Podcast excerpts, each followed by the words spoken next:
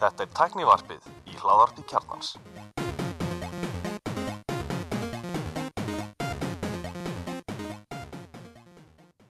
Komið þið sjálf blessuð og velkomin í tæknivarpið. Ég heiti Guðlúður Reynir. Ég er allir Stefan Andri Valur heiti ég Hvað segir þess okkar? Ljómandi Mjög fín Við erum allir í stúdíu og engar COVID viðvarinn hérna. Hér er ekki, ekki haft óeðalega mikil fjarlæg millir manna eða neitt slíkt. Nú er þetta bara komið í gamla farið. Já. Það er nú bara standað fjalla það er nú Jú, þetta er svona slæðið einn og, tómið ræði. einn og hálfur milli okkar alla og svona einn og 80 milli okkar Ég tek enga sem þess að. Já Hérna... Þetta er svo með plastpóka á hausnum í dag já, en ég er nöðuritt með plastbóka hausnum, sko. Mhm. Hérna, viltu fyrir réttum? Já. Uh, við vorum með tvo þætti í, hvað, einni í síðustu viku og einni í þessari viku sem er komin út, eða ekki? Jú, kom einn á mándaginn og einn á föstudaginn Tókum við viðtal við Jón Vivaldi hann að vikun áður Var það ekki á föstudaginn líka? Nei, Hann kom út á fyrstæðin, já, hann kom út á það föstudaginn var tekið út hann að 50 fyrir viku, eða ekki? Jú, jú, 50 fyrir viku Nei, nei, nei, þetta var fyrir er þetta að vikina að ég ekki að hlusta það. þann þátt? Það er ekki búin að hlusta hann. Nei? Nei. Það Hann það. er góður, Jón er alltaf skemmtilegur og alltaf gaman að fá hann í þáttun okkar Svo tókum við annan þátt með honum Jök, Jökli, Solberg, mm sem fjöllum um rafhjól og hérna, og svona örflæðistæki, eða hvað kallast. Já, ég var nú bara að hlusta á þann þátt á rafskútu sem ég leiði af einhverjum, Hann var bara tekinu fyrir þig, þú Já. baðst um þann þátt, þá Já, bara pöntuðu það. enda var þetta bara, ég er enda bara hálfnaður og mjög skemmtilega, af því að hann, hann náttúrulega veit allt um þessi þessi mál, sko Mhm. Hann er mikill áhugaðmaður og svona, hann er, hvað sem maður, hann er passionate Mhm. um þessu hluti. þetta var bara já, hinga til allan að skemmtilegt og, og Klöfum okkur meira á bakið. Hérna, fyrsta frétt, klálega Apple frétt, iPhone 12 mun líklega senka. Fréttin af iMore. Já, eða sérst þetta er náttúrulega búið að vera í fréttu núna í að bara síðan að COVID byrja held ég er fólk búið að koma með tilgáður um að það verði senkun þetta hefur auðvitað áhrif á e, framleysleikæðina hjá Apple að þessi síking sem hefur verið að geisa Mm -hmm.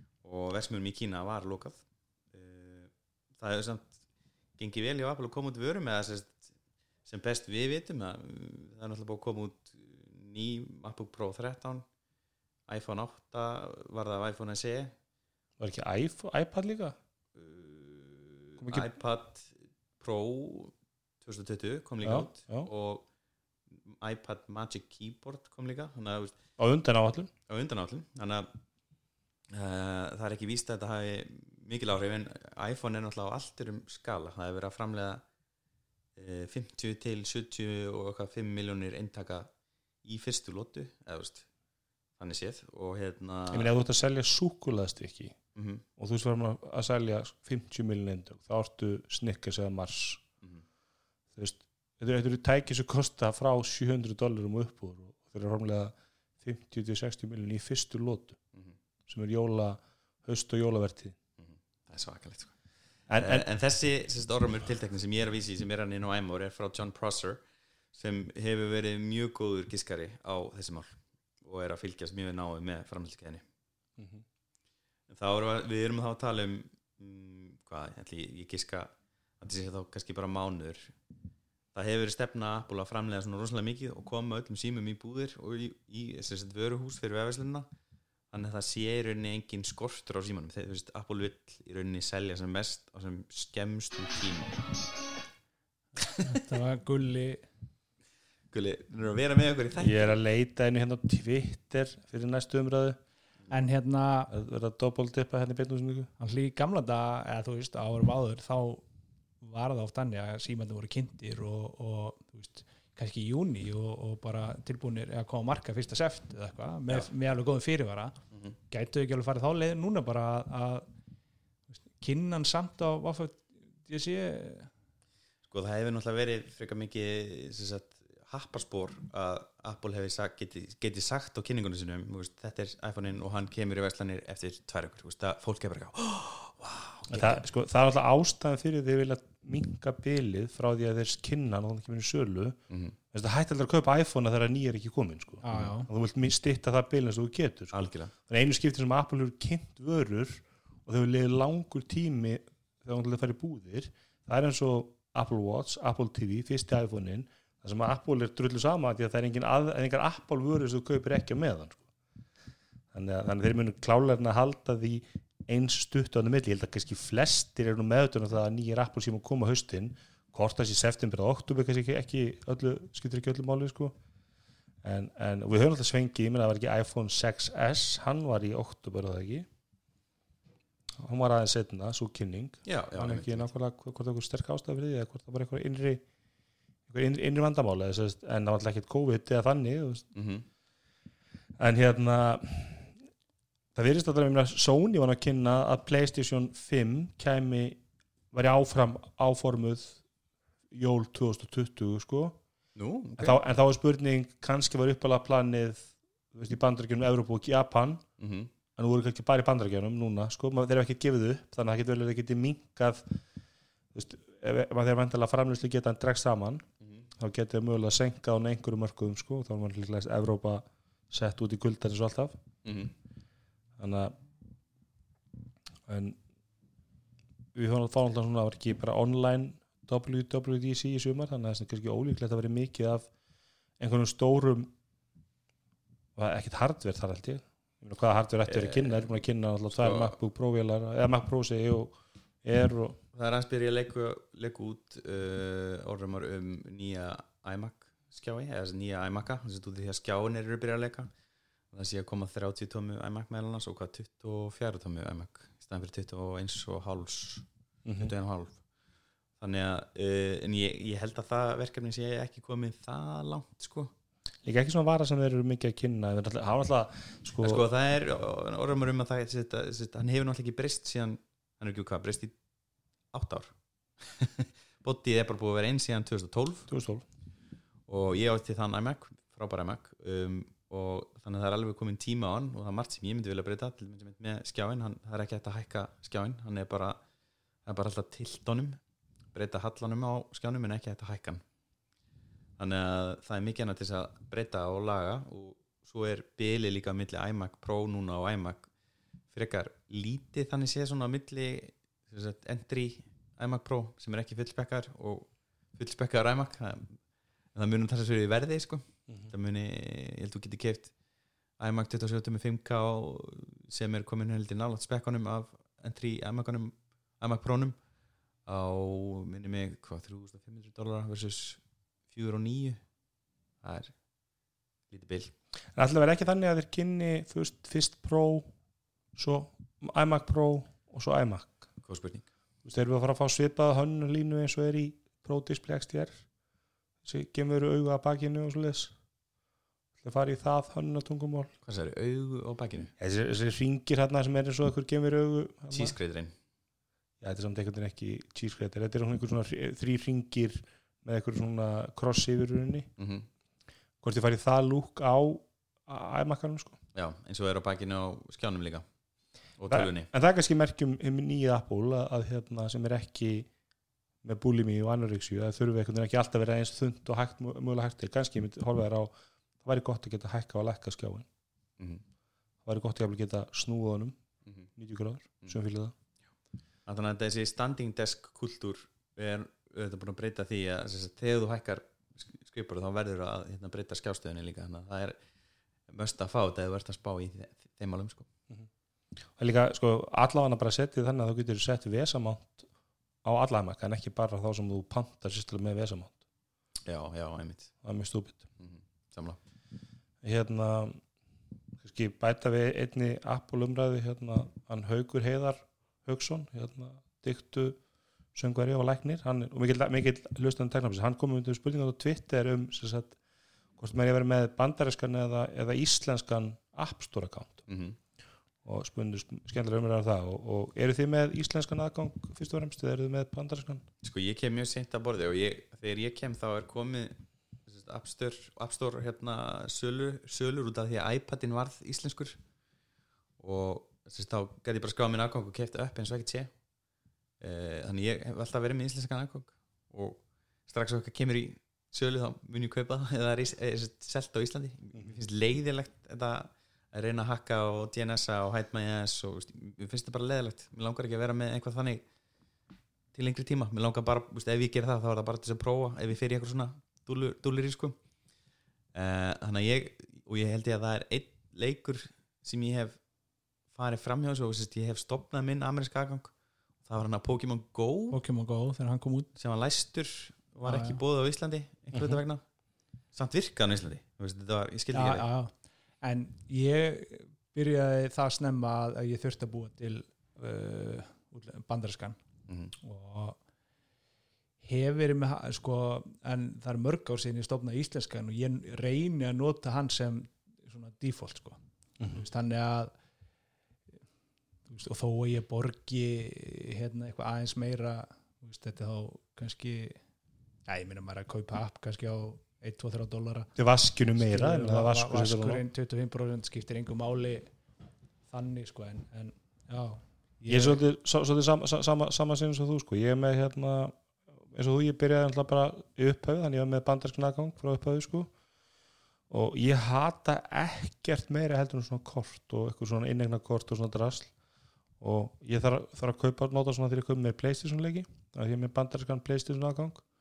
Það er bara, það, er, það þar finnur við bara verðmunum. Eins og fyrsta lagi er, er bandarska búðin með sko, leik, leikina talsdótturiri en hún er líka miklu aggressíður í útsölum það sem er miklu meiri leti í því í eurósku búðinni þannig að ég kaupi rosalega mikið leikjum á 20 dólar og 30 sem er ennþá hvernig í 60 dólar með eurósku búðinni. Já, og, og en ég hvernig er alltaf þegar kemur einhver nýja leikur sem langar það tekur mig mánuð að nenna að fara Amazon og kaupa þess helst innegn og skafan inn og þú veist halvið Playstation og já, já þetta er, er leðilegt sko. En að máli er ég hef alltaf haldið mínum ameríska hérna opnum að því að þú veist ég er svona stundum með áskipta húlu og einhverju Mhm. þá það, það fara allt hann í gegn sko. Já, ég þetta var alltaf á fyrstu, fyrstu sko árónum, þá var þetta alltaf þannig að hérna að þá var maður alltaf til að loka sinni bæði því ég átti alltaf fullt af öppum á bandarskagnum og svo stundum var maður kannski búin að fara í íslenska búðina og, og sækja þar og þá kom, þú átti ekki það ájum þá þurftum maður að fara að lokka sig inn í hinn. Ég man ekki það er ekki engin upp sem ég notaði í dag sem ég kifti á band þetta er ykkur gamli leikir, ykkur svona dót sko. Já, þannig sko ég var í mörg ár með eitthvað app sem ég man ekkert hvað heitir í dag sem að er hætt. Það var uh, sko bara í ameríska App Store og það kom alltaf bara einu svona dag kom tilkynning Þess, þessi upp eru frí í dag. Það var svona kynningar.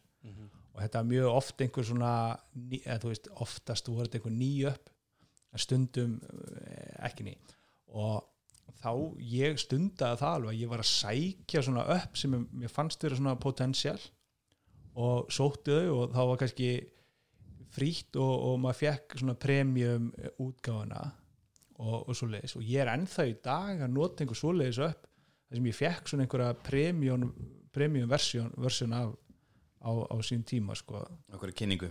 Mér finnst þetta samt svolítið svo rúsnins rúlega stundum er ég að, mér minnir ég að kefti eitthvað app og, annar, kannski langar inn að leika eitthvað, mér minnir ég að kefti hann. En það kemur ekki einhvern veginn í fyrir appstólið að hann sé eigin sko. Og svo kaupi hann og þá kemur þú already purchased this app og sækir það frýtt en við líka lendi að ég gerir nákvæmlega sama og þá, já, til hann getur eittur öðrum 7 dólarum. Bara, það myndust af ég átt að hinna vagnunum eða eitthvað sko. Já, en það kannski, þannig að við ríku uppum og svörum hauki þá er reyni hægt að vera með báða aðgangur á símanum og það er hægt að sem sagt, skrá sig inn og út úr uh, App Store, Apple Store og fullt af þessum leiðum til, og, og TV Plus og fleira skrá ameríska aðgurinn inn þar sem þú vilt nota hann og kaupa þér eitthvað af bandarska markanum já, já, þetta er bara þetta er ekkert vesin í dag, þetta var þannig bara þar til fyrir einu, tveimur árum að maður þurfti alltaf að slá inn líkjulorðið á, á, á hinu Já, hinum akkantinum mhm. ef maður var að upp þetta appi sko Já, ég listi hérna er bara hægt. sama leikilega að báða sko. Já, en maður þurfti samt að slá það inn sko, ef maður var ekki loggaður inn á reikningi A þá þurfti maður að, slá inn líkilóli fyrir hann til að hætti uppdata. það ekki þegar automatic updates komu að það er þá. hefur ekki verið lengi og er, þú veist, strax miklu betra því að þú veist, núna er ég bara loggaður inn á íslenska nema ég þurfi eitthvað að gera þú veist, er að fara að segja eitthvað app sem er ekki þar eða Mhm. eitthvað svona Ég kefti mér einmitt eitthvað svona Amazon svona eitthvað innegg hérna í síðasta haust þegar Disney og, og Apple Plus komu ég kefti 100 dólar inn og hendin á kortu inn á, inn á aðgangin sko. Svo er það bara að matla bara núna í, allan veitur ég er að borga fyrir Disney Plus og Apple TV Plus. Já, og jú, þetta er alltaf lægið þetta er svona eitthvað hræðilegt og í sérstaklega menn vilja vil náttúrulega ekki kannski vera stela hlutum þú veist, þá, er, þá viltu svolítið gott að kaupa myndir og þætti í, í Apple hérna, veslunum sko. þú algjörlega. Veist, sem er náttúrulega kannski eiginlega besta lausnin til þess að gera það nema, nema að fara í leigun á stöð 2 Já, fyrir þá sem eru með Apple TV þá er þetta, já, eða svo sem iTunes í tölunni eða eitthvað. En já, ég voru stundum bara enda á að, þú veist, eins og um jólin þá var eitthvað að leita hérna Lethal Weapon myndunum. Ég fann þar hvergi, sko, þú veist, ég hafa búin að leita út um allt. En þær voru klára ranninni og það bara í já, ég ætla ekki að segja fjöru káa því að þetta er náttúrulega sko 100 ára gamla myndir og upptökan eftir því. Mhm. Já, ég sé, til þess að auki að þá, þá er það klálega þægindin að verða með íslensk aðgang og þóttu borgir fjórðum til skattmanna þá er það allt í leið ef þetta er ekki mjög dýr upp. Hérna næsta var rétt John Gruber. Ég ætla núna, hérna næstu Íslandsfyririnn Ben Thompson og John Gruber sem eru uppáls hlaðarbara teknafisins voru komið áhugavert hlaðarp sem kannski ekki áhugavert en kannski ekki áhugavert um það sko er hvað þeir eru með þetta, er diðring þetta er þrý þættir í viku. To the Ring Uh, það er akkurat 15 mínútur bara fast eftir klukkunni. Og það sem var kannski sérstaklega áhugavert er að þú borgar fyrir þetta. Mér finnst við erum, við erum nýkomnir yfir heilt kortir hérna í upptökunni. Já, sko, Við þeir getum aldrei gert þetta. Nei, þeir get ekki heldur sko, þetta, er ekki Mm. rétt um til að hafa 15 mínúna fastan tíma sko. En það sem ég veist áhugaðast er, þú borgar fyrir þetta, kostar 5, 5 dólar á mánu eða 50 dólar á ári minnum og ég kefti þetta, ég splæsti heila 5 dólar í þetta og borgaði enga maska því. Og Svikari. en það var mjög áhugavert og mjög þægilegt að kaupa það. ég fer bara á síðuna þeirra og borga, borga með Apple Pay það Apple Pay greiðslu knappur. Og þá fer ég sendur áfram fæ ég bara, bara mynd af svona hlaðvarps öppum og, og, ég nota Pocketcast í iPhone ítti bara á Pocketcast linkin sendi myndin í spilaran og sennaði upp. Og svona þú veist, það er alltaf að vera í umræðinu spott ef að hefur verið að pæla í þessu svo var eitthvað svona startum sem var með eitthvað svona 5 dólar eða 10 dólar áskriftagjald á fullt af þáttum. Það veist um áhuga, áhuga nálgun. Ég, en ég get ekki sagt það að ég fá meir út úr þessu þætti heldur en hlusta bara á venjulegan talkshow þátt eða venjulegan Ben Thompson þátt sko Það er líklega miklu minn út úr þessu því að Ben Thompson er náttúrulega svona 30 eitthvað myndir og komið sér að einum punkti. Já, þeir eru það, sko, ég var alltaf að hlusta á hérna þáttin, nýjast þáttin í dag og þá eru þeir, ég, tjekka á þeir þegar þeir byrja að tala um umfjöldunefnið þá eru þeir hálnað með tíma, þeir eru bara búin að bladra mikið neitt í, í sjöhála mínútu. Það sem ég veist áhverju þetta, horfum kannski bara á kontentið sem þætti, þetta er náttúrulega held ég, ég meina þetta eru tveir bestu tækningreinendur heims í dag, þessi tveir. John það er enginn sem er ef, að kemst á flug og hann að fara eitthvað djúft í eitthvað Apple-pælingar þá er fáur sem að standur á baki og, og, Ben Thompson er hann er meira í öllu markaðinum, hann er meira í svona businessliðinu hjá þessum stóru Facebook og Google og þeim sko. Mm.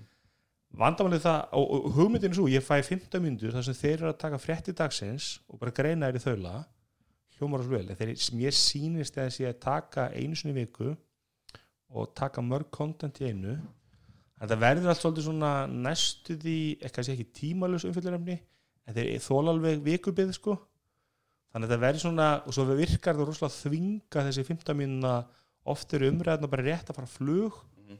það er eins og líkuð eins og er kötti á menni mér, svona næstu mér í setningu sko. þú veist, eins og- eins og spjallið hafi verið miklu lengra en hann ítt, hann sagði punktinn og þá köttuðu þeir en það var auglúslega þrjár setningar eftir sem kláruðu umræðana sko. Okay. að ég, Þetta hljómar þess að þetta ætti að vera svona teaser eða trailer fyrir einhvern alvöru þátt sem þeir þú veist, sem er lengri, sem þeir eru að reyna að selja þér Mhm. Þetta ætti að vera frítt svona til þess að koma ára bráðið og svo myndur þú kaupa diðring full package Mhm. Þetta er alltaf, veist, þetta er það sem að fólkurinu vil, þetta er í öllu menna, sko, ég veit um margar sem horfa meira á tölvuleiki, horfa aðra að spila tölvuleiki heldur en að hérna, þeir spila sjálf tölvuleiki, margir horfa mikið á umfjallir um fótboltan, horfa minna á fótboltan sjálfan.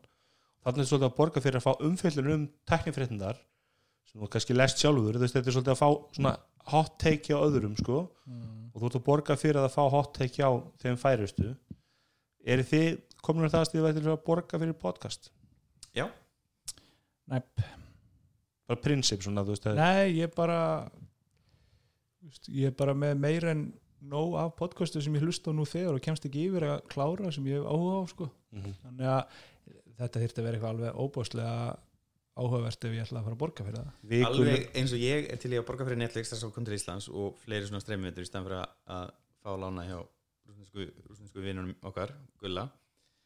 Þá er ég alveg til í það að fara að sleppa að hlusta á þessu skverspjössinniskar fyrir 15 ára á manni. Ég væri reyndar mögulega til í að borga fyrir að sleppa við auðlýsingar mm þú veist, ekki þú veist, ef hún myndi selja mig það að ég sé ekki að borga fyrir podcasti heldur, ég sé að borga 5 dólar á mánuði fyrir að fá ekki auðlýsingar Já, ég myndi alveg já, en það, sem er þetta killer feature features fyrir Spotify en það er kannski fljótt að það búið 5 dólar per þátt það er helviti dýrt spöð sko. Já, já, þú veist að ef ég væri til í þú veist, eins og Audible eða eitthvað svona 20-30 dólar á mánu og ég hefði aðgang að öllum podcastunum sem ég fíla án ölsinga Mhm. já gegn Þetta væri svona Netflix. Spotify sko ég, ég yfirleitt er við þannig að hlusta á hlaðarpa þú veist, ég svona hlusta með öðru erinu var ég bónus eitthvað og þess að kemur auðlýsing ég er mjög sjaldan skipa auðlýsingum það er aðalega þegar ég hlusta á þú veist, kannski fyrir sefni eitthvað þá er náttúrulega mikið af þessum þessu overcast, nei þessu, þessu ATP og grúpir og fleiri þess að þú getur farið inn í dagskrá þeir eru ekki með auðlýsinguna sem dagskrálið þá getur bara hoppað yfir sko.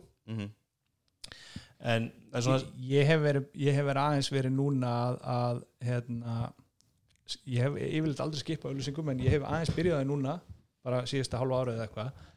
Eftir að eins og NPR podcastin, það er orðin svo sumuður að það er orðin svo rosalega langar auðlýsingar það er kortist þáttur og inn á milli kemur kannski tvær og hálf mínúta sem er bara auðlýsingar já, punktur.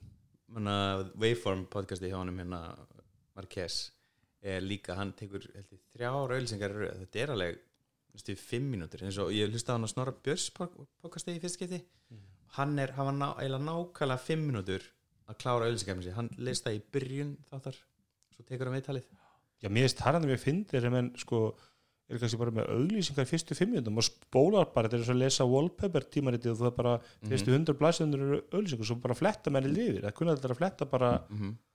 það, það það, sko. það er sem þetta sílusta sem ég, ég spóla bara yfir alveg byrjun að það eru bara auglýsingar sko. Mhm. einmitt en, en ég myndi alltaf að segja það sko, ef maður á að tækna fyrir þetta ég fann ekki þarna sem var eitthvað sko, 5 dólar verið umfram bara að hlusta aðra tækni hlaðar, hlað, önnur tækni hlaður sem að fara jafn vel ef ekki betur í það vegna þess að veist, það er til svona daglegir tækni þættir sem að fara þar bara miklu dýbra í þessu content sko. Þannig að- að ég var, ég var ekki að sjá virðið þarna en mér finnst þetta áhugavert pæling og mér finnst- leiðin að kaupa komur óvart hvað á þægileg segjum að Já. vera ert segir þegar- Regnar stopnin þegar- sér degi podcast Já. og rukki þú svo kallir það manni er það að fara að kaupa eða ekki að kaupa ég myndi segja að, að, að ljósi sögunar væri hlaða sem ég væri til að boka fyrir já, samanlá Það að því að líka, þú veist, eins og metnarinn í henni er svo mikill, mm -hmm. hún er svo miklu tími í þetta hún getur ráðið staff í vinnu Mhm. þá verður verið að dæla bara út þáttum bara vikulegu þáttur þú veist, va- með, það sem ég hata við ljósi sögunar er hún alltaf að senda inn, eða hún gera kannski ekki sjálf það verður að dæla inn einhverjum gömlum þáttum inn í fít já, ráðfaldi og svo byrjum maður að hlusta og bara, tjöl, rámar eitthvað þetta. Og svo, já, ég, þú komið líka án með enna merkingar oft. Ég, ég held að það séu ég held að það séu gömlu þannig Þetta er hérna það er nú kannski bara ágætt að koma því áleiðis í eitt skipti fyrir öll að það er einhver villa í, í hérna RSS fítinu hjá RÚF sem að sendir þætti mjög oft tvisvar. Já, ég lendi því líka, og mjög pyrrandi ég er með heimskviður, ég fæ alltaf tvisvar stundum í ljósi sögunar eitthvað. Ég var með bara uppgöð það bara nýla heimskur, frábæð þáður heimskviður er frábæðáttur það er svona að, bara erlenda fréttir bara mjög djúpar og svona flottar, flottar umræða sko. flott tónlist og, og svona þetta er svo sem var með hérna markmannshanskana hans uh, Guðmundar uh, held ég það ekki markmanns hans skuðmið Nei, muni ekki þeim þáttum, markmannshanskanir hans eitthvað. Og hún hérna uh, hvað heitir hún? Er þetta ekki svo í landanum, var hann ekki í land- Birta, Björstóttir var hann ekki í landanum Guðmundur Björn Þorbjörnsson. Nei, hún var ekki í landanum, hún var í eh, einhverju öðru útvarpi. Já, okay. allan að mér, þetta er bara mjög svona þetta er svolítið svo speilin, svona aðeins léttara og bara mjög skemmtileg þetta er orðið svona, ef ég sé þetta dett inn veist þau, þá er þetta must aflustum sko. já, ég er með þetta í áskrift. Þetta er klukktíma þáttur mm ánulýsinga Já, en þeir fá náttúrulega hann að 6 miljard á ríkisjóða, það hjálpa já, já, ég, nei, ég er að segja sko, þú veist, og þetta fyllir bara ég, ég, þú veist, ég er ekki ég hlusta ekki podcast í vinni ég er kortir á leiðin í vinna úr vinnu og fyrir ekki vinnu um helgar yfirleitt. Þú veist, og er ekki að hlusta mikið á podcast nema ég segi gera eitthvað, þú veist, keira eitthvað eða eitthvað svona, þannig að bara þessi klukktími og svo ljósun það var bara búið að fylla svolítið mikið af podcast kvotanum sem ég á sko. Ertu með Daily og Up First? Nei. Ég það, það eru Daily held í New York Times og Up First er NPR við stuttir, ég vil svona korter. Já, og það er yfir svona bara rosalega mikið svona single topic þættir um eitthvað sem er bara algjörlega current í bandarskum bæði stjórnmálum og bara þjóðlöfi mjög því. Fyrst við erum komin hérna on a roll í, í podcastunum þá rekst ég á podcast sem ég vissi ekki af. Er það að skilins farum út fyrir efni þáttar? Já, Í að því. Það er eitthvað nýtt. Við náttúrulega el- elskum allir uh, hlaðverp. You Are Wrong About You Are Wrong About með Michael Hobbs og Sarah Marshall. Þar sem þau fara yfir svona taka sér sérst eina mýtu í hvernig þætti, þættin eru svona kringum klukktími og sem sagt dýbankana og oft eru þau líka að dýbanka dýbankið eins og með þáttunum fjallar um Stockholm syndrom Þú veist, forsög, þú faraði yfir forsöguna á Stockholm syndrom, veist, hvað er það, áhver heitir þetta Stockholm syndrom hvenær var það fyrst notað? Og þá var þetta notað sem vörn þetta er sérst frá Stockholm syndrom gerist í, í bankanum sem gerist í Stockholmi já, þar sem, uh, sem sagt, starfsmæður bankans uh, þau, uh, nokkur starfsmennir eru teknir hérna, höndum af bankaræningunum. Gíslingu. Í gíslingu já. Og hérna, þau verða sagt, taka samúð gagvart bankaræningunum sem voru einhver svona ólöku menn voru ekki innflytindir Sýrlandi allana sem sagt, og finna til samúða með þeim og sem sagt, taka þeirra mannstöðu upp. Þetta var síðan nota að senda mér í vörn fyrir dómstólum í bandarækjunum fyrir, hvað heitir hún, Patty Hearst sem er svakalegt mál. Það er bara, veist, ég mæli endri með því að hlusta á það ég, hef ekki hugmynd um þetta. Og, og það er svona farið fram og tilbaka sagt, og oft finnaði mál sem eru svona skemmtilega það er hægt að dýbanka dýbankið það er eiginlega bestu það Mm. finnst mér. já, mæli endri með þessum þáttum. Ég er búin að vera eiginlega sem sagt, svepp lítill núna í tvær vikur út af þessum þáttum. Ég, bara, ég get ekki hætt. Já, ok, ég tjaka þessu. Mér vantar alltaf eitthvað gott hlust á hvað var nafni svona fyrir þá sem að mista því You're wrong about. You are wrong about. Og þetta er sem sagt ókláru setning. You're wrong about Stockholm syndrome. Já. You're wrong about bla bla bla Patty Hearst. Ég var með alltaf þannig, sko, ef- að þátturinn var með stuttur þá nefndi ég ekki að byrja það sko. Já, ég er samanlega, það pyrra mig mjög mikið að sérstaklega þegar mér er að hlusta í sagt, frá byrjun og til nýjasta sem til dæmis overkast á fárlega erfitt með að gera fyrir því sjálfkrafa ég ætla ekki fundið leið til þess að gera það þægilega þú vilt byrja á elsta og fara tilbaka Ég er svolítið í svona Stockholm syndrom sambandi við overcast sko. það var hvernig maður kefti að vera besta appið mm -hmm. en því minna sig, þessi meiri sem er frá því því minna fatti að hvað þetta er mikið drasl appa sem liti, bara svona base eða bara segja spila þetta næst, búið til on the, on the go og því ég gerir mig mikið í podcast að búið bara on the go playlista sem að veginn, hann, hann Marko Arment bara það fittar ekki inn í hans heimsmynd að þú getur búið til playlist einhvern veginn og það virki eins og bara hefbundum playlist, það er svona svo tveggja nappa Apple mús sko. Já, við slum koma mús með tveim tökum. Samt ég er ekki takkar, eitthvað svona þú kreistir hann einhvern veginn að mismandi stöðum sko. Já, hann er eitthvað svona með eitthvað en, en, en, en það er svona, ég fann hlusta meira um svona stutt á þetta og ég hendi bara í bara play next, play next og bara kannski með okkur þetta en það sem ég geri óvikast er að ég hérna, ég raða bara upp nokkur þáttum í röð. Mhm. þú veist, það er bara halda og svo bara slæta hann upp og niður. Já, maður gert það. Mm. ég var alltaf bara með svona on the go playlista bara sem ég hendi inn í og svo raðaði ég þar. Já, það sem ég væri raunin til er bara að segja sérst, þessi þættir fara alltaf í réttri tímaröð þú veist, í forgang inn á playlista og ég vil bara alltaf spila þann playlista þá til hann er nullaður þú getur einhvern veginn gert það, það er eitthvað svona Já. þú getur eitthvað svona reyting, þetta er bara alltaf flókið og alltaf svona mikil, þú veist nú ætlum ég að setjast niður í tvo tíma búa til overcast playlista. Eins og með margt, eins og með Siri Circus sem er ógeðslega sniðut og maður hefur bara ekki sett sér námið inn í þetta ég, sko- ég, íti bara hérna á bara, fíltir hérna. Older, oldest to newest Mhm. oldest to newest by podcast. Newest to oldest. Newest to oldest by podcast. Skilur, þannig að þú getur látið þetta raðast sko eftir Já, að podcastu. er En svo hann getur þetta að- rating, hann fór ekki næst sko- í röðina skil, hann fer ekki niður listan Vand, ég var með playlist hétt bara on the go eða eitthvað leðis og svo var ég hendin í hann. Vandamál var það að svo kannski hendi inn í hann og svo fór ég, fór, fór ég að sofa eða eitthvað og allt einu sko dattir einhver eldgama þáttur af því ég var ekki að hreinsa út úr listan Já. ég síðast ég notaðan. Búin að eyða. Já, staðast að vera hérna íti ég bara á þú veist, up next og íti á eitthvað þátt það kemur að næst. Og íti aftur það kemur, viltu spila þetta næst eða síðast? Og þannig get ég bara búið til on the go playlista bara við höfum hætti. Svo getur þú sett priority. Já, ég hef ekki prófað það, það er sniðut en já, ég hef ekki pröfað en ég, ja, þú veist, ég var bara að sjá það núna. En Já, hérna þegar að, ég man ekki það var í, á slakkinu sem vorum að spjalla um frekar en í, í hérna, hér í Mhm. þættinum. Að mér fannst vera algjör dílbreyka þegar að- ég held að vera Sverri sem benti á þegar hérna, hann setti sko Dingus shortcut skilu, þannig að núna þegar ég set lappa á stað, set bara airpods í eirun og segi hey Dingus play hérna overcast eða eitthvað þá bara heldur áfram að spila það sem ég frá var horfið já, ég er með það líka. Ég er með settið það jafnvel þó ég hafi ekki verið að spila í sko, ja, ég meiri sem að segja bara hey Dingus overcast og þá bara ferða á play, jafnvel þó ég hef hafi ekki kveikt á appinu í, veist, tvær vikur eða. Já, ég er dýrkan að finna þess það er mjög stuð, þetta er eitt sem ég segi Pocketcast er eiga NPR og held ég BBC ég veit ekki það. Já, ok.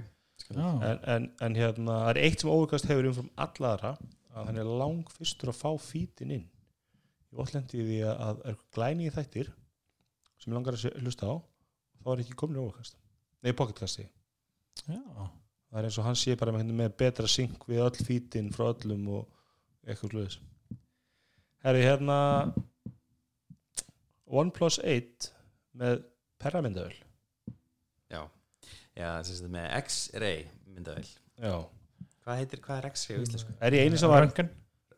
Nei, ekki, jú. Er ekki tekað íslenskt orðið yfir þetta sem er ekki Röntgen? Nei. Röntgen, alltaf bara nafnið á mannum eða ekki?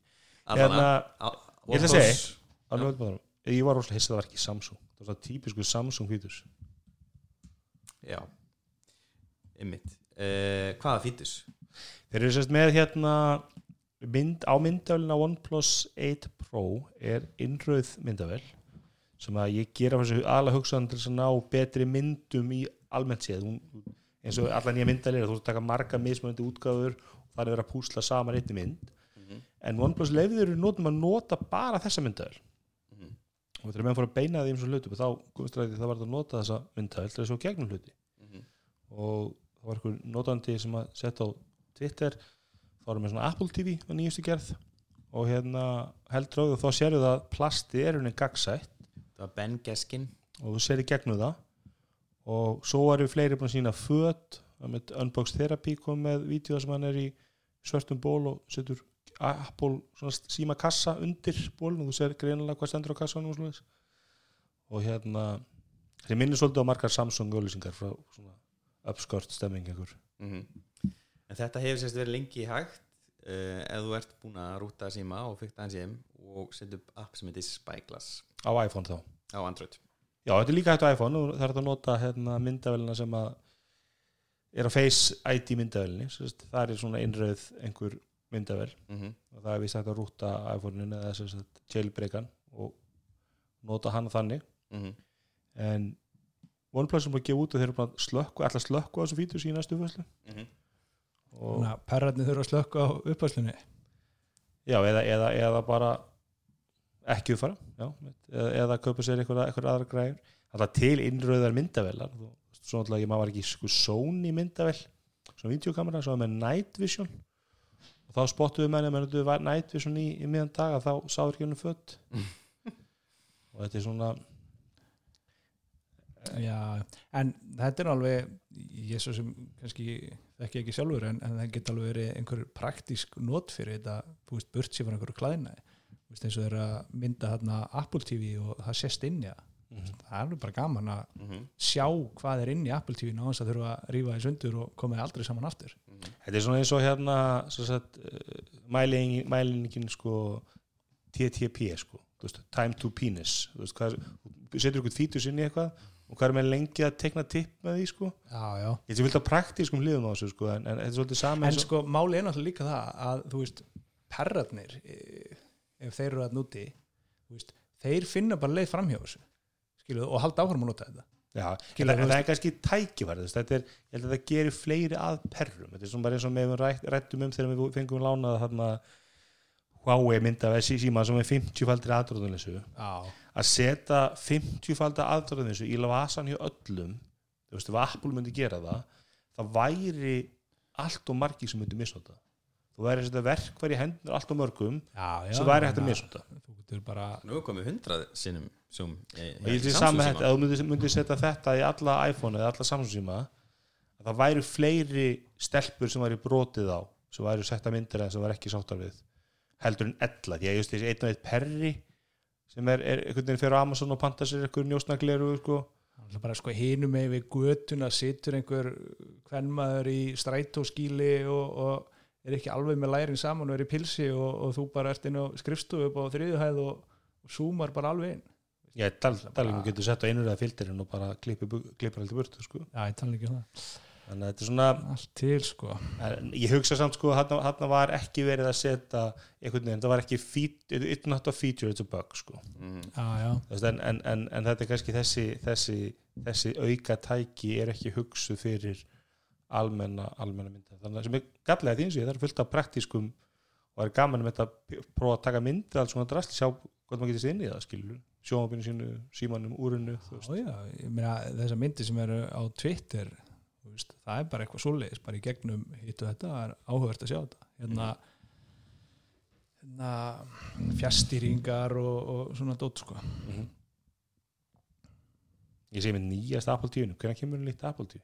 Heru, það er að koma nýtt núna í vor. Þú segir, Ég, ég er búin að býða í sko, ég sé allan að tvö ár sem ég byrja að býða já, ég er nú að vinna með einu sem að ræðir þetta hverja einustu viku sko, síðan sko síðastu sumar. Hann er eins og ég er með semst, ekki 4K og svo náttúrulega þegar maður er komið með 4K sjónvarp þá langar mann í, í það.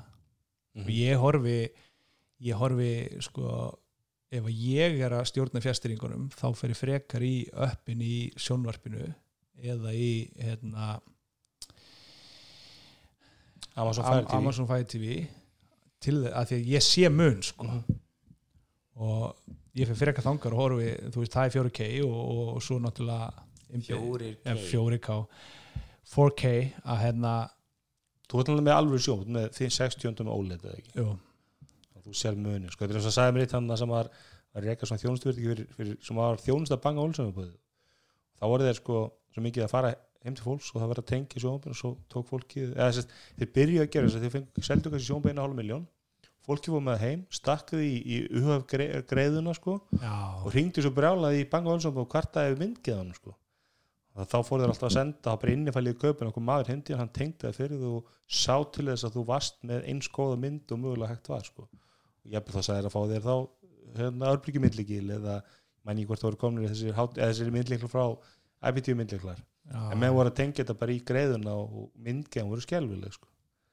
það er náttúrulega það er hryllilegast öllu þegar Þeir eru að koma með Blu-ray spilaran fyrir þetta fólk já, aðalega, ekki verið í loftniti sko. það er svona kannski en, en, en ég, ég, ég er bara fann að taka eftir með mitt non-4K Apple TV hvaða er svona orðið smá slöggi sko. Það er alveg svona já, ég var bara í síðast í gæra að hérna fletta milli appa og eitthvað og það bara var að byrja að högta sko. en mér finnst það betra samt heldur en Amazon Fire TV sko. já, ég er ekki sammála það virka svolítið slöggis líka sko. en var ég búin að nefna að Viaplay er, er sko, þú veist, appið í, í LG sjónvarpi er tíu sinni betra heldur en í Apple TV já, það það er bara miklu flottara uh, einhvern veginn viðmóti og betra ég, ég er svolítið stóð mér svolítið að því þegar ég var að skoða með því hvort það var ekki bara að sjóma með þitt allir mm. Mm. maður búin að vera með svolítið fordum að ganga þessu innbyggðu uppum sko, sem byggðu kannski að maður skoða þetta hérna fyrir 5-6 árum sko, og ekki sem- ekki mikið síðan sko. Eða notaði Sony Shop nei, ég, var- er náttúrulega bara með hérna, Enox sko, en, en hérna en Þetta er mér eldaði eilífu sum- sum af þessum uppum eru bara viðmótum er heldur góð sko. Já. við Samsung bara farið mikið fram. Ég er mjög náð með Samsung viðmöndi en ég myndi alltaf náttúrulega Apple TV bara þærist að hafa allt í einu, einu tæki og öll upp, þá er ekki rúfa já, Ég- Samsung og það er ekki Sko, stötu upp ég var lendið því að, að hérna, CSC var ekki að virka nú vel veist, stundum kveikti, þegar ég notaði fjárstækur Apple-tíðunni þá náði Apple-tíðu ekki að kveikja á sjónvampinu og, og hérna, setja alltaf stað eða þá slökkuði ég eitthvað svona. Þetta er Eh, CSC CEC sem er sendir áfram merkið. Já, sendi skipinu á milli takja ekki um háttími það verkar fullkomni í enox eins og kom, komst ég að því að þegar ég var að reyna að stilla viðmóti í Apple TV-inu í 4K sem það var ekki á mér á 4K Apple TV-inu þá fæ ég einhver svona villu. Hún sérst testar HDMI tenginguna og kemur með einhver, einhver skilabóð og hún kom bara með eitthvað það er einhver trublun á snúru prófa að skilja snúruna. Þá var ég bara með of gamla eða lélega HDMI Ali snúru nei. Þetta er alveg mjög það sem fylgdi með standard einhver, það, einhver græði og, ég átti glæni HDMI snúru sem ég prófaði í stæðin og þá fór þetta að virka. Það er alveg mjög sem staðlar á snúrum sko. Já, það, er, ég- það, ég það er ekki minna monster cable það er 1,4, 1,2 og 2 eða ekki? Já. þannig að það er reynda sko held ég 1,4 og 2 stíði báði 4K Já. ég er um þetta reyndi í sko núna. Ég er með þrjú tæki tegndi sjónbið Mhm. ég er með sérst, PlayStation 4 Pro. Ég er með Apple TV 4 og Switch og þetta CEC virkar fullkomlega. Veist, ég, ég kveiki á Apple TV-inu eða sjónum með Apple TV-styrningunni ég vil taka á lekkað ef ég færi PlayStation þá bara íti á PlayStation takkan á festringunum þá poppar það yfir, tekur tækið yfir. Og svo getur íti aftur á Apple TV til að þó- láta það stela merkinu. Og samme Switch, ef ég kveiki á Switch festringunum þá stelur það merkinu. En nú vantar mér, nú er ég að búa mig til kefti, hérna, kefti svona Raspberry Pi var að búa til svona RetroPie box sem er sérst í bara stýri gerðum, setur hún Raspberry Pi og þá ertu bara með all, alls konar mismundi emulator, PlayStation 1 og Super Nintendo og þetta er mjög einfalt að setja upp og, og, og svínvirkar en þá vantar með input sko. þannig að þegar komir eitthvað svona, eitthvað svona millistikki, eitthvað svona, eitthvað svona HDMI switch sko. Þá missi þetta CSC vantilega því að sko nefnir þér einhvern veginn switch með CSC líka og hann einhvern veginn fatti þú veist þetta er. Þá misti þetta svolítið mark sko. þannig að þá er maður bara sjóp með betri með fleiri hátíð mítengum erfitt líf. Já, þetta er va- vandlifað mm en það er til uh, HDMI hub eða ekki? Jú, ég, ég þarf að koma með eitthvað svolítið til þess að vera með bara allir seti ekki switchið því ég er búin með Er þetta að spila á sjónvampinu? já, ég er bara að spila sjónvampinu Já, og ég er að spila bara, svo frábæra festir ykkur já, því að sem, sem ég skuldar endur að þá en, hérna, en, en ég sést Það fer að fara í mótus bara já, ég kefti þess að þér Controller Controller og, og, og loksins fór að spila Breath of the Wild sem ég eiga síðan ég kefti sem var eiginlega bara þá ný Mhm. sem er einn af tveimur bestu leikjum sem ég spilaði í Já, ég er ekkert fjár frá því hann er ógeðslega góður en þannig ég hugsa sko þegar ég klára hann sem ekki svona hálnaði með hann þá kemur ekkert óvart að switchið er ekki snert framast í jólum sko. Ég seldi mína eftir að ég var eitthvað að reyna að komast eftir í að spila á að spila með einhvern annan leik. Fann eiginlega aldrei þú veist, neitt annan leik sem ég er spennti fyrir. Ég er ekki mikið fyrir Super Mario veist, ég held að hann langar ekki að ég held að hann hefur kostað 12 skallega því ég var að skoða og ég er bara eitthvað svona ég tími því eiginlega ekki sko. Hvað er elko eða? Já, ég, kann, ég held að hann sé á 60 þeir- þeir eru dólarar over í- sex- Já, þeir eru 60 dólar á vestlunni og það er náttúrulega áriðin já, 8 og 7 Það er á- 8 og 7 Já. Ég En, geta en, fengið hann á einhvern 7 og 5 fyrir, já, ég veit ekki þannig að þú kaupir þér switch annar stöður þá Ég ætla að kaupa með Switch strax og hérna Breath of the Wild 2 kemur Breath of the Wild sequelið kemur já mm -hmm. og þá held ég kaupi bara handheld því að ég var aldrei að spila á sjónbjörnu Ég, ætla, ég elska þetta að sé þessi og þetta er mjög þægilegt að vera ég sá, með einhver umræði einhver svona Facebook-grúpu sem að fólk var að fyrirspurningum var sko hvernig geymir fjastringan þeinar mm -hmm. Og fólk var með alls konar kannar, með 7-8 mismöndi fjastringar eitthvað svona boxi sem það pantar svo á Amazon fyrir fjastringar sko, og þá hugsaðum við bara hvernig það er að vera bara með eina litla fjastring og hún gerir bara allt sko. Já svo er til þetta, til svona case hún setur Apple í fjastringun í mm -hmm.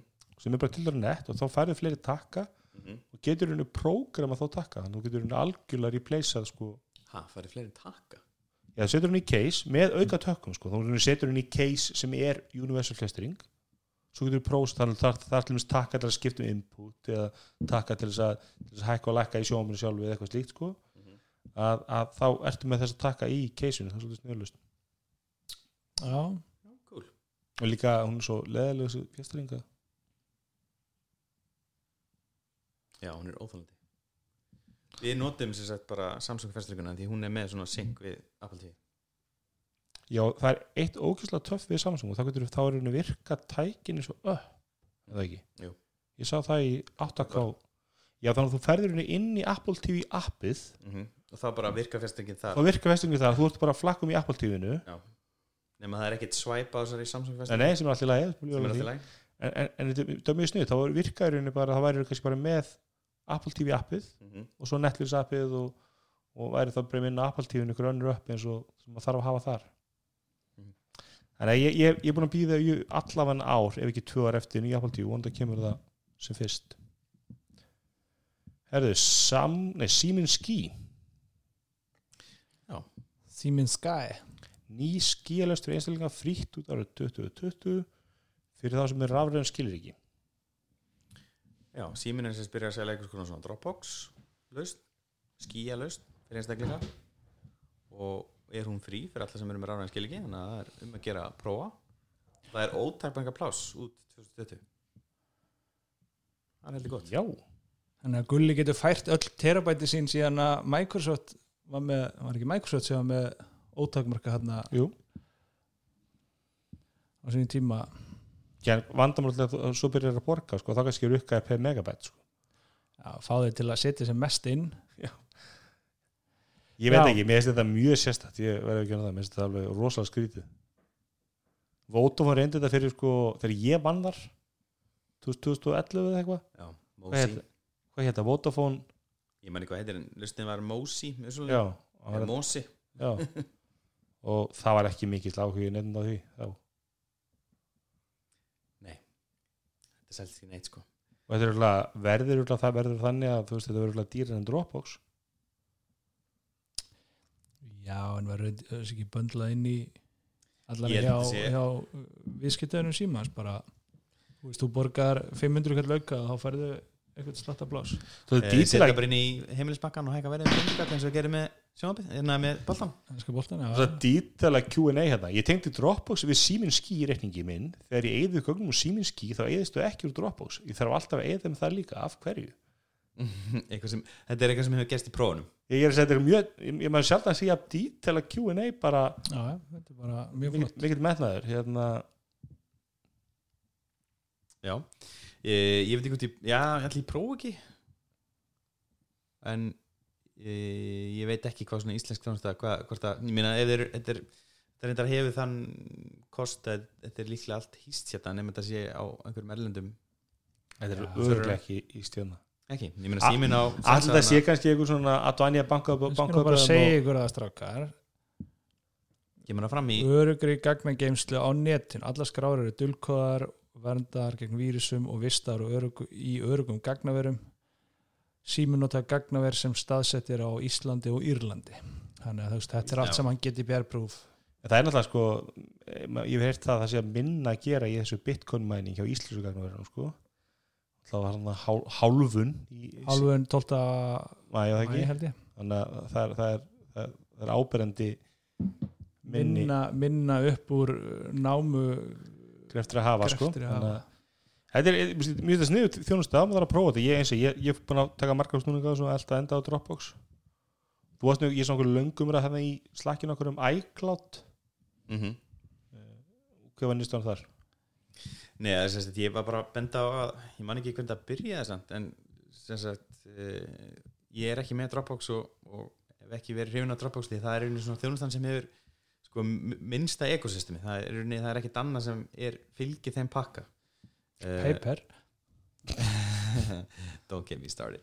Hérna, og uh, sagt, iCloud hefur þannig eiginlega að það eru iOS backup iOS device, tækja backup sem, uh, og ég er að backa upp iPad og iPhone og, og, og, og svo kom ég ljós hérna að þegar æg er eitt öllum skjölunum sinum einhvern veginn að Mac tölun sinni, MacBook Adorable að það er versioning hérna, backup af Scrum í, í MacOS líka gegn MacLeod sem kom mér mjög orð það, er, það, það er hvergi minnst hana fítus það, er- það, er- það er líka Google og það með þess að þú ferð og eigður öllum gögnum úr Google dræfinuðinu mm -hmm. og það stendur, þú getur ekki í coverið það, það getur samt gert það, sko. Já, ok. Ég gerði það eitt er 2 terabætum með gögnum út og svo vantaði með eitt skjál sem ég held ég að fært yfir. Og þá fekk ég bara svona, svona dömp af random skjölum í eina möppu, það var mjög skrítið. Hm, áhugavert. og svo er, er ég með Office pakkan sem heitir núna ekki Office 365 heitir Microsoft 365 og nafna breytingu daginn. Uh, og mjög fyndi Microsoft sendi post og hérna spamma alla aðgangana mína og, og hérna þetta var, var í öllum tæknifréttum. og svo ferða á síðuna íslensku síðuna það var enda allt bara eitthvað Office 365 Office 365, þannig að ég glimta að uppfara íslensku síðuna. Það er óþólandi þegar hann stóðferði ekki þau sendi alltaf á íslensk maður fyrir á dell.com það endur á eitthvað nei, ég vildi fara á dell.com þess vegna slói það inn á síðan það er ekki amerísku. Mm -hmm.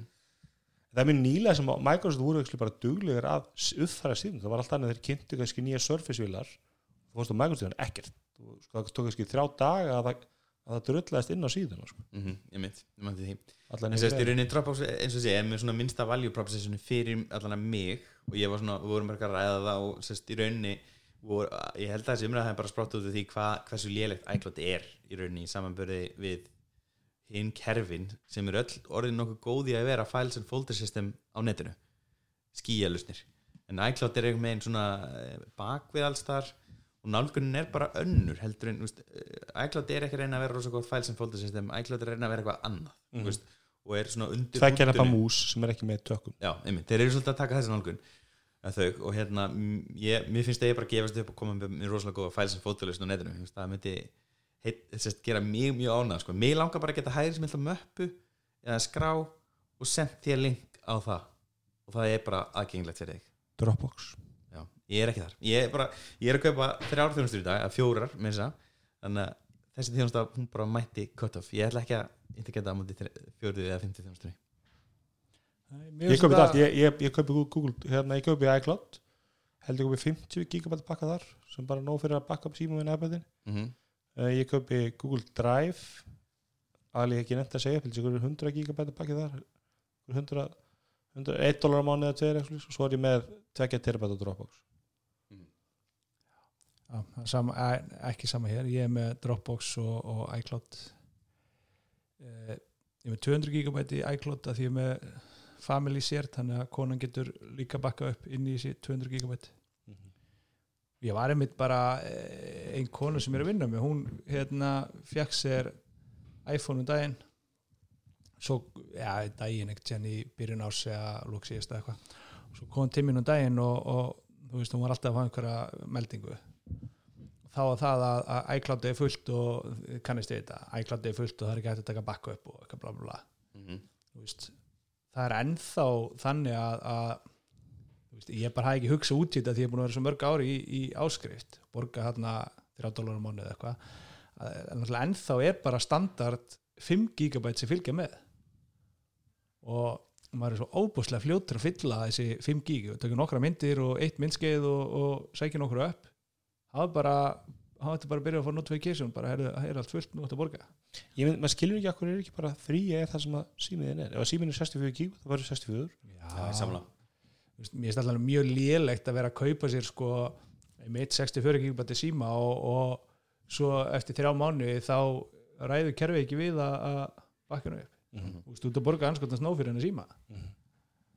Já. Það- það er mjög gott, en ég ég myndi halda þessi síminn skílust í eitthvað Þú veist, þetta er einhver með öðrum og þeir eru bara, Já, ég held sér rétt. Ég trú ekki að síminn hefði veitt verðmöttum peningum ég hef búið til skílust árið 2020 Nei, Þetta er bara commission based sala sko.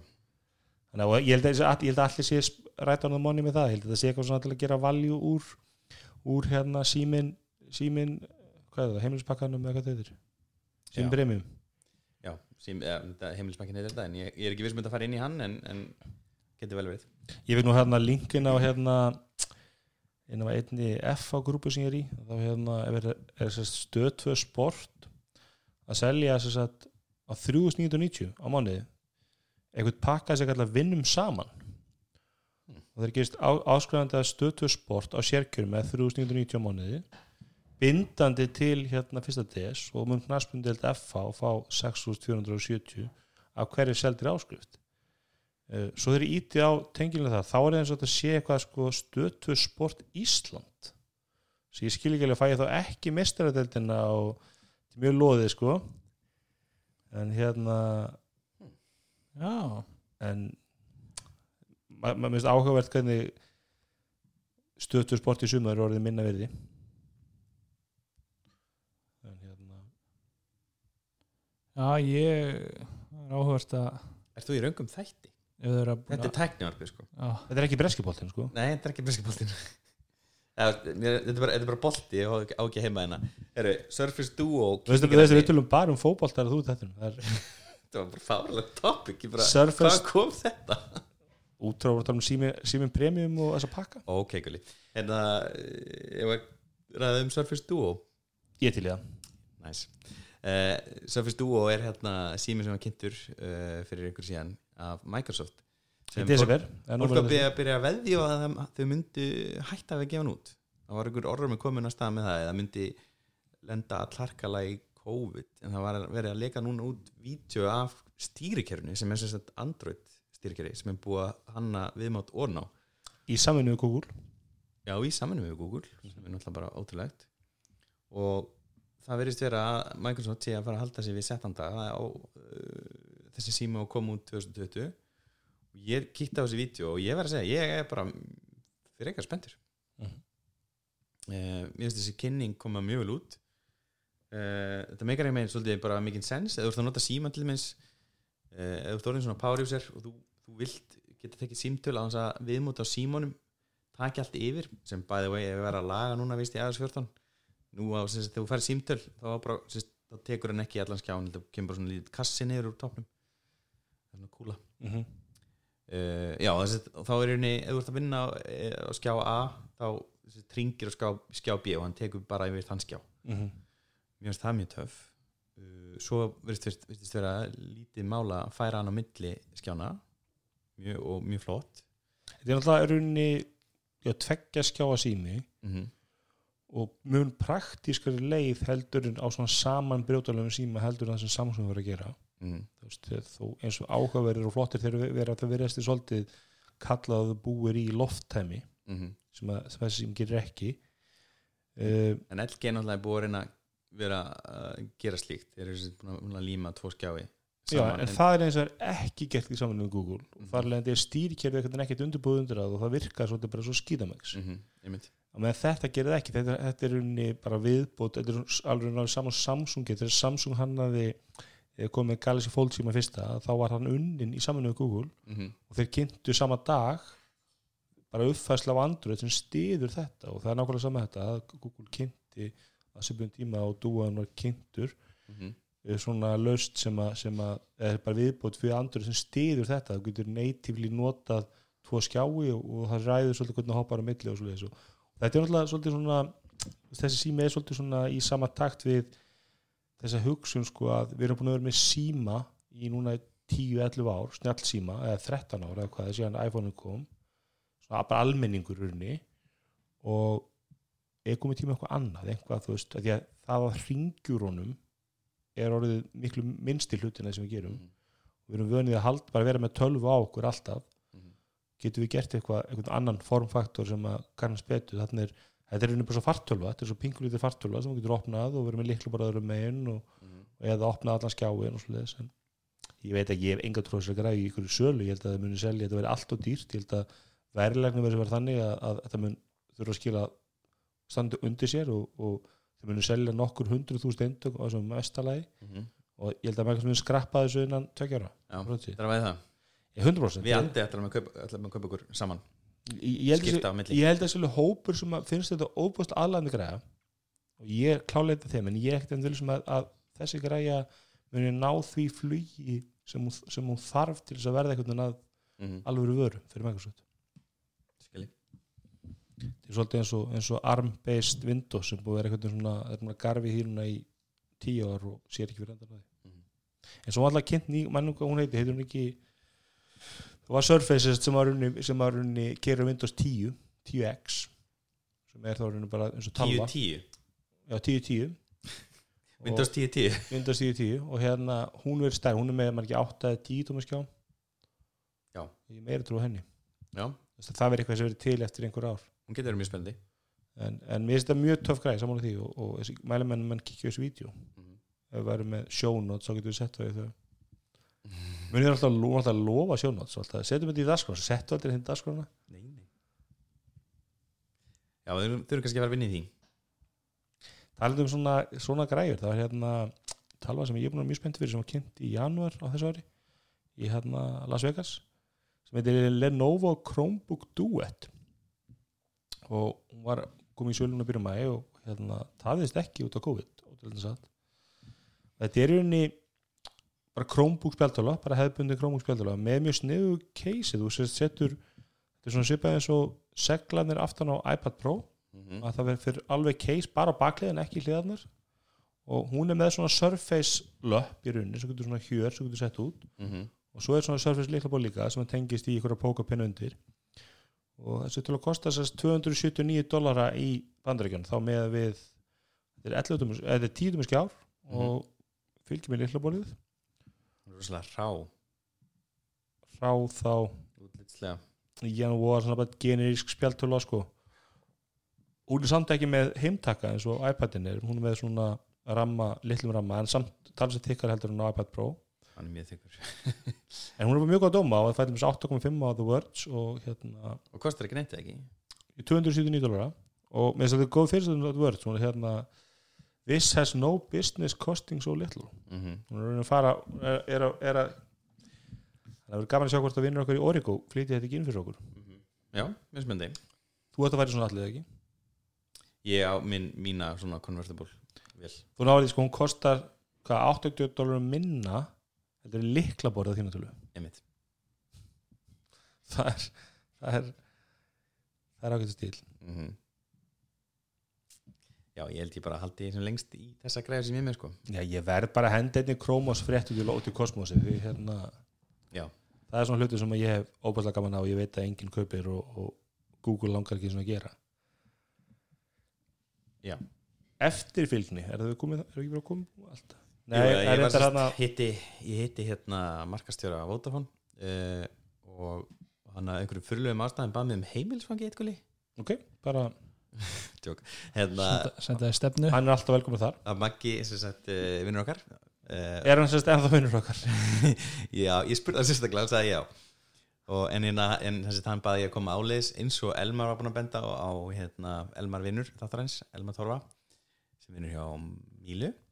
Að auðvitað eru öll þrjú fjarskiptafélagins sóttum 5G lefi komum með 5G lefi og það var gefa út á sama tíma ekki bara nóga, mm það er hér með leiðrætt Nóa bara fyrst að að senda út fréttatilkynningu sem að þið stukkuð á og, og kókliftuð og þess að Já, sko- vinna heima unna Mér til vatnan sko, þá satt ég á, á kynningu hjá Skí fyrir hvað, fjórum mánuðum, janúar eitthvað svoleiðis. þar sem fórstjóri Símons og Vodafone sátu hann að hlifi lið og sögðu hvori er af áhuga þeir byggjum 5G kerfi þannig að uh, mér finnst svolítið sem sagt, messaging uh, ef ég var hrinskilin um það að þessi fyrirtæki sé að fara að byggja 5G Já, er það ekki ef maður eh, les og, og, og giskar eitthvað á milli línana, er það ekki bara eh, eru þau ekki bara að beita þrýstingi, að reyna að beita þrýstingi til þess að fá leifi samkemni síðvalda til þess að gera þetta saman? Sko þannig að er kóðinn er á leiðinni gegnum íslenska þingið og mun koma einhvern tímann í virkni uh, hvað, einhverjum fjórum árum og seint.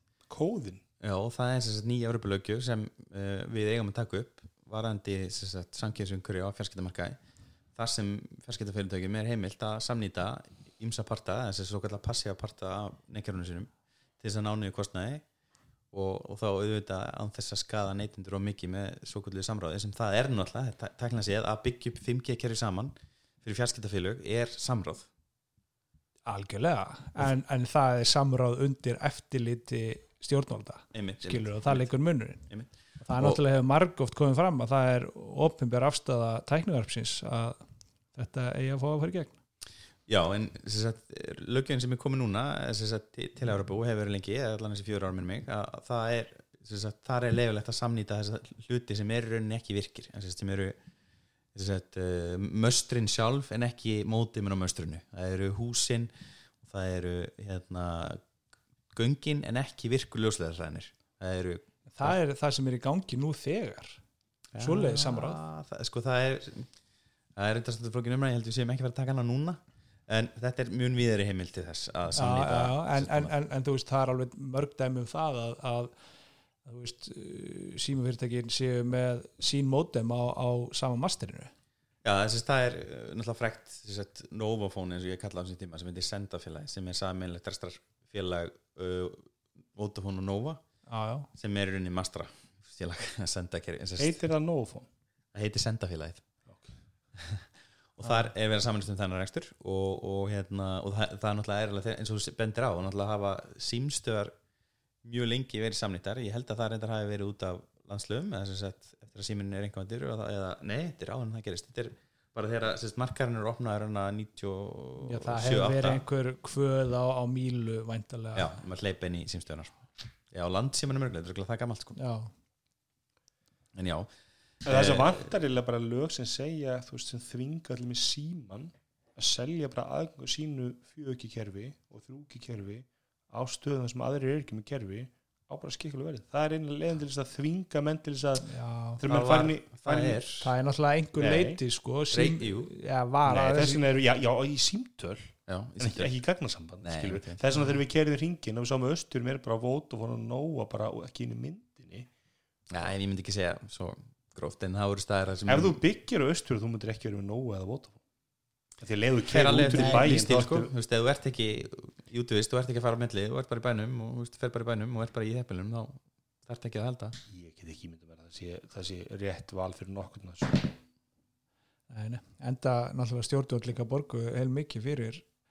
fjóri gefa einhver á ringveginu ég meina svo alltaf hinstæðarindina að það Mhm. búa þrýra konum fjórum íslendingum búa í Reykjavík eða klukkut í makstur frá Reykjavík.